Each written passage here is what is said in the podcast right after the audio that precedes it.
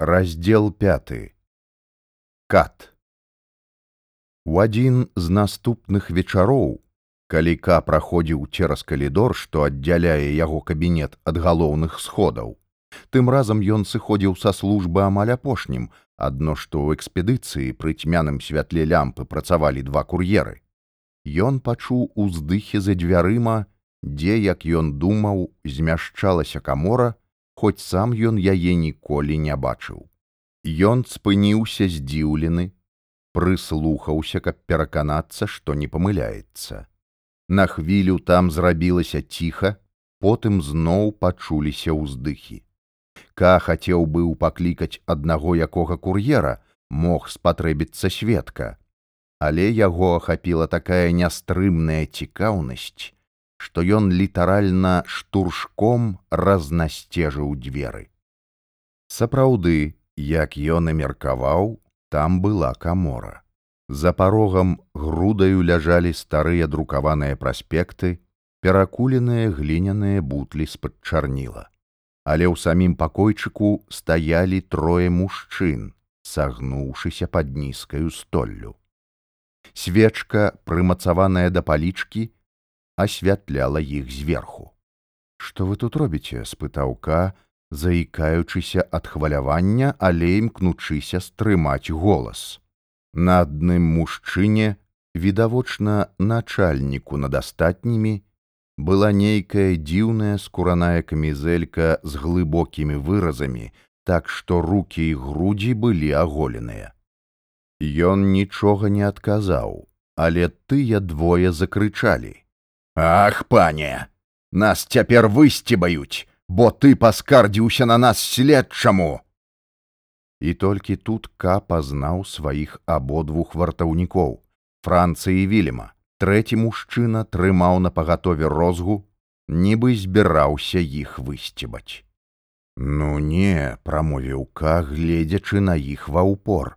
Я на вас зусім не скардзіўся, Я проста расказаў, што адбылося ў мяне ў кватэры. Дарэчы, вашы паводзіны былі зусім не бездакорнымі. Пане, прамовіў вілем у той час, як Франц відавочна спрабаваў схавацца за ім ад таго трэцяга. Калі б вы толькі ведалі, як мала нам плаціць, вы не судзілі б нас так сурова. Мне трэба карміць сям'ю, а Франц якраз хацеў ажаніцца, Вось і намагаешся прыхапіць, што толькі можна, адною працай не пражывеш, хоць ты выпнесе са скуры. У вас бялізна тонкая, Вось я на яе і паквапіўся, хоць нам вартаўнікам гэта і забаронена. Вядома, нядобра выйшла, але ўжо такая склалася завядзёнка, што бялізна дастаецца вартаўнікам. Здаўна такая ёсць завядзёнка, паверце мне, яно і зразумела, Няўжо для таго, хто меў няшчасце быць арыштаваным, гэта мае хоць якое значэнне.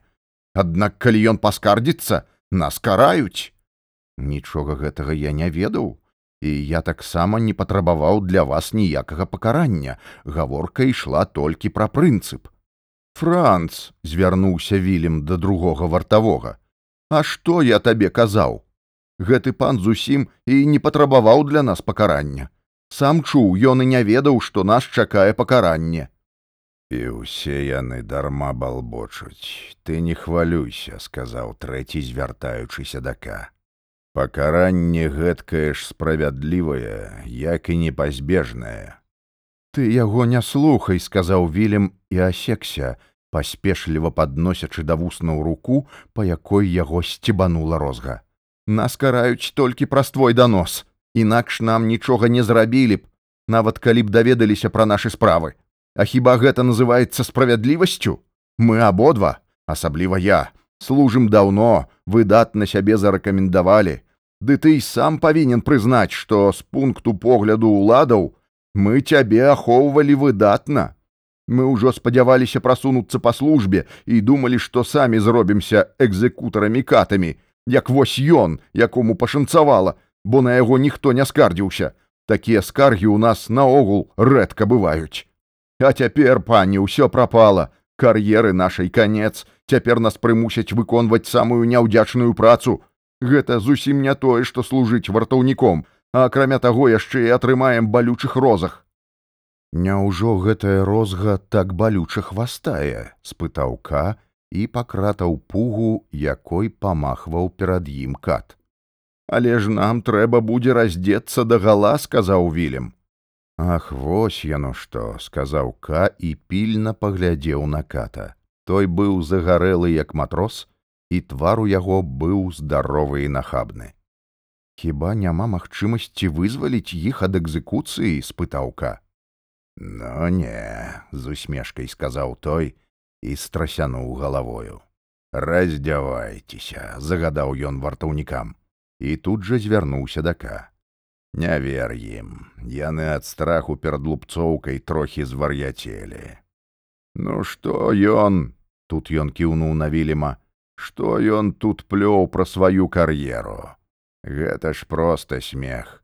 Зерні які ён тоўсты гэты тлушч адразу і розгай не праткнеш а ведаеш чаму ён так памажнеў бо мае звычку з'ядаць сняданкі ўсіх арыштаваных. Напэўна, ён і твой сняданак з'еў. Ну вось, што я казаў. Хіба з гэткім пузам можна стаць катам ніколі ў жыцці. Няпраўда, такія каты таксама бываюць, умяшаўся вілем, ужо расшпільваючы дзягу ў сваіх нагавіцах. Не, адрэзаў кат, і правёў розгаю па яго шыі так, што той здрыгануўся. І наогул не размаўляй, а давай раздзявайся хутчэй. Я табе добра заплачу, толькі адпусці іх, сказаў каня, гледзячы на ката, такія справы лепш рабіць, апусціўшы вочы, і дастаў свой кашалёк. Но не, потым ты і на мяне данясеш, падвядзеш і мяне пад розгі, не, не, Не дуры, сказаўка, калі б я хацеў пакарання гэтым двум, я не спрабаваў бы цяпер іх выкупіць. Я мог бы проста зачыніць дзверы, нічога не бачыць і не чуць, ды спакойна пайсці дадому. Але ж я гэтага не раблю, наадварот, я сур'ёзна спрабую іх вызваліць. Калі б я толькі падазраваў, што іх пакараюць, нават калі б ім толькі пагражала пакаранне, я ніколі не назваў бы іхніх імёнаў. Ды я і не лічу іх вінаватымі. Вінаватая ўся арганізацыя, вінаватыя вышэйшыя чыноўнікі.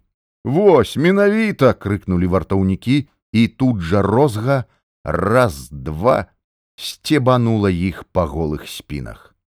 Калі б пад тваю розгу трапіў сам суддзя, сказаў ка і прытрымаў розгу ўжо гатовую апусціцца зноў. Я нізавошта не падумаў бы перашкаджаць твайму сцябанню, наадварот, даў бы табе грошай, каб ты падмацаваўся дзеля добрай справы. Тое, што ты кажаш, выглядае праўдзівым, сказаў кат, але ўсё-ткі падкупіць сябе я не дазволю. Калі я пастаўлены, каб сцябаць, значыць, трэба сцябаць. Тут вартавы франц, які паводзіў сябе досыць стрымана ў чаканні спрыяльнага выніку праз умяшальніцтва к, у адных нагавіцах падышоў да дзвярэй і укленчыўшы учапіўся ў рукаў ка шэпчучы. Калі ты не можаш дамагчыся літасці для нас абодвух паспрабуй вызваліць хоць бы мяне. Вілем старэйшы ён як не паглядзі не гэткі адчувальны. Да апроч таго яго ўжо лупцавалі гады два таму што праўда не моцна але мяне яшчэ ні разу не ганьбілі Ды і вінаваты ва ўсім акурат вілем. Гэта ён мяне падбухторыў. Ён жа мяне вучыць і добраму і кепскаму. А ўнізе, каля ўваходу ў банк чакае моя нявеста. Мне так сорамна, так жудасна сорамна. Ён выціраў свой заліты слязьмі твар аб пінжакка. На больш я чакаць не буду, сказаў кат, схапіў розгу абедзвюма рукамі і пачаў хвастаць ёю франца а вілем прытаіўся ў куце і падглядваў цішком, не рызыкуючы нават паглядзець па баках. Крык і лямант, якія раптам учыніў франц, былі такія несціханыя і бесперапынныя, быццам гэта крычаў не чалавек, а катавалі, раздзіралі на часткі нейкі музычны інструмент. Увесь калідор напоўніўся гэтымі гукамі іх напэўна было чуваць ва ўсім будынку Не крычы, усклікнуў ка, не стрымаўшыся і напружана углядаючыся ў калідор, адкуль маглі прыбегчы кур'еры, штурхнуў франца. Не надта моцна, але дастаткова дзеля таго, каб той кулём зваліўся на падлогу, сутаргава мацаючы рукамі па зямлі. Аднак кат не марнаваў часу. Розга знайшла францыі на падлозе і пачала раўнамерна сцябаць цела а ў канцы калідора тым часам з'явіўся кур'ер, а за колькі крокаў далей і другі. Ка хутка зачыніў дзверы, падышоў да акна, якое выходзіла на двор і шырока расчыніў яго. Крыкі аціхлі. Каб не даць кур'ерам падысці занадта блізка, ён крыкнуў: « Гэта я. Добры дзень, спадар пракурыст, адгукнуліся тыя. Штосьці здарылася? Не, не, крыкнуў ка, Проста сабака ў двары заскавытаў, але кур'еры не рушылі з месца, і ён дадаў: « Можаце сабе ісці працаваць. Каб не ўвязвацца ў размову з кур'ерамі, Ка высунуўся з акна. Калі ён праз некалькі хвілін павярнуўся, тыя ўжо сышлі. Але Ка так і застаўся стаяць каля акна. У камору ён зайсці не наважваўся, дадому ісці таксама не хацелася. Двор быў невялікі, квадратны, і, гледзячы ўніз, ка бачыў вакол адны службовыя памяшканні з цёмнымі вокнамі. І толькі ў самых верхніх шыбах адбівалася месячнае святло. Ка напружана ўзіраўся ў далёкі кут двара, дзе грувасціліся нейкія васкі. Яго мучыла, што ён не змог прадухіліць экзекуцыі, але ён не быў вінаваты ў гэтай няўдачы. Калі б франц не закрычаў вядома яму напэўна было вельмі балюча але ў вырашальную хвіліну трэба ўмець валодаць сабою. Калі б ён не закрычаў то ка гледзячы па ўсім знайшоў бы спосаб угаварыць ката. Калі ўсе ніжэйшыя службоўцы такая свалата чаму ж гэты кат які выконвае самыя бесчалавечныя абавязкі павінен быць выняткам з правілаў? І акрамя таго ка добра бачыў як у яго пры выглядзе грашовай купюры заблішчалі вочы. Напэўна ён і лупцаваў так старанна каб падняць цану. Зразумела ка грошай бы не пашкадаваў.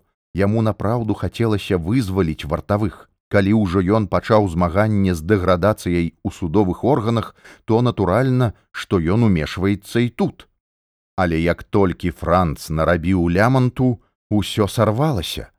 Не мог жака дапусціць, каб кур'еры, а магчыма і іншыя людзі пазбягаліся сюды і заспелі яго ў каморы за перамовамі з гэтай публікаю з катоўні.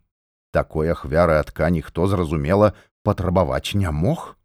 Калі б ён на гэта наважыўся, то ўжо яму самому прасцей было б распрануцца замест гэтых вартавых і падставіць сваю спіну пад сцябанне ката.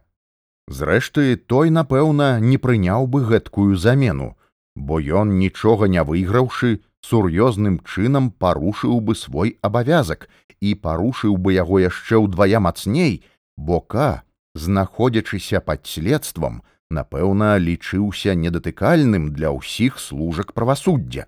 Вядома, тут маглі існаваць і ўсялякія іншыя азначэнні. Адным словам, ка нічога іншага зрабіць не мог, акрамя як зачыніць дзверы, хоць праз гэта ён зусім не прадухіліў небяспекі, што пагражала. Шкада, вядома, што ён напрыканцы штурхнуў франца, але гэта можна растлумачыць яго ўзбуджаным станам. Воддаль пачуліся крокі кур'ераў. Не хочучы, каб яго заўважылі, Ка зачыніў акно і пайшоў да парадных сходаў. Праходзячы паўз камору, Ён спыніўся і прыслухаўся. Было зусім ціха. Магчыма, гэты малы ўжо наогул пазабіваў вартаўнікоў, бо яны былі цалкам у ягонай уладзе. Ка пацягнуўся быў да клямкі, але тут жа адхапіў руку.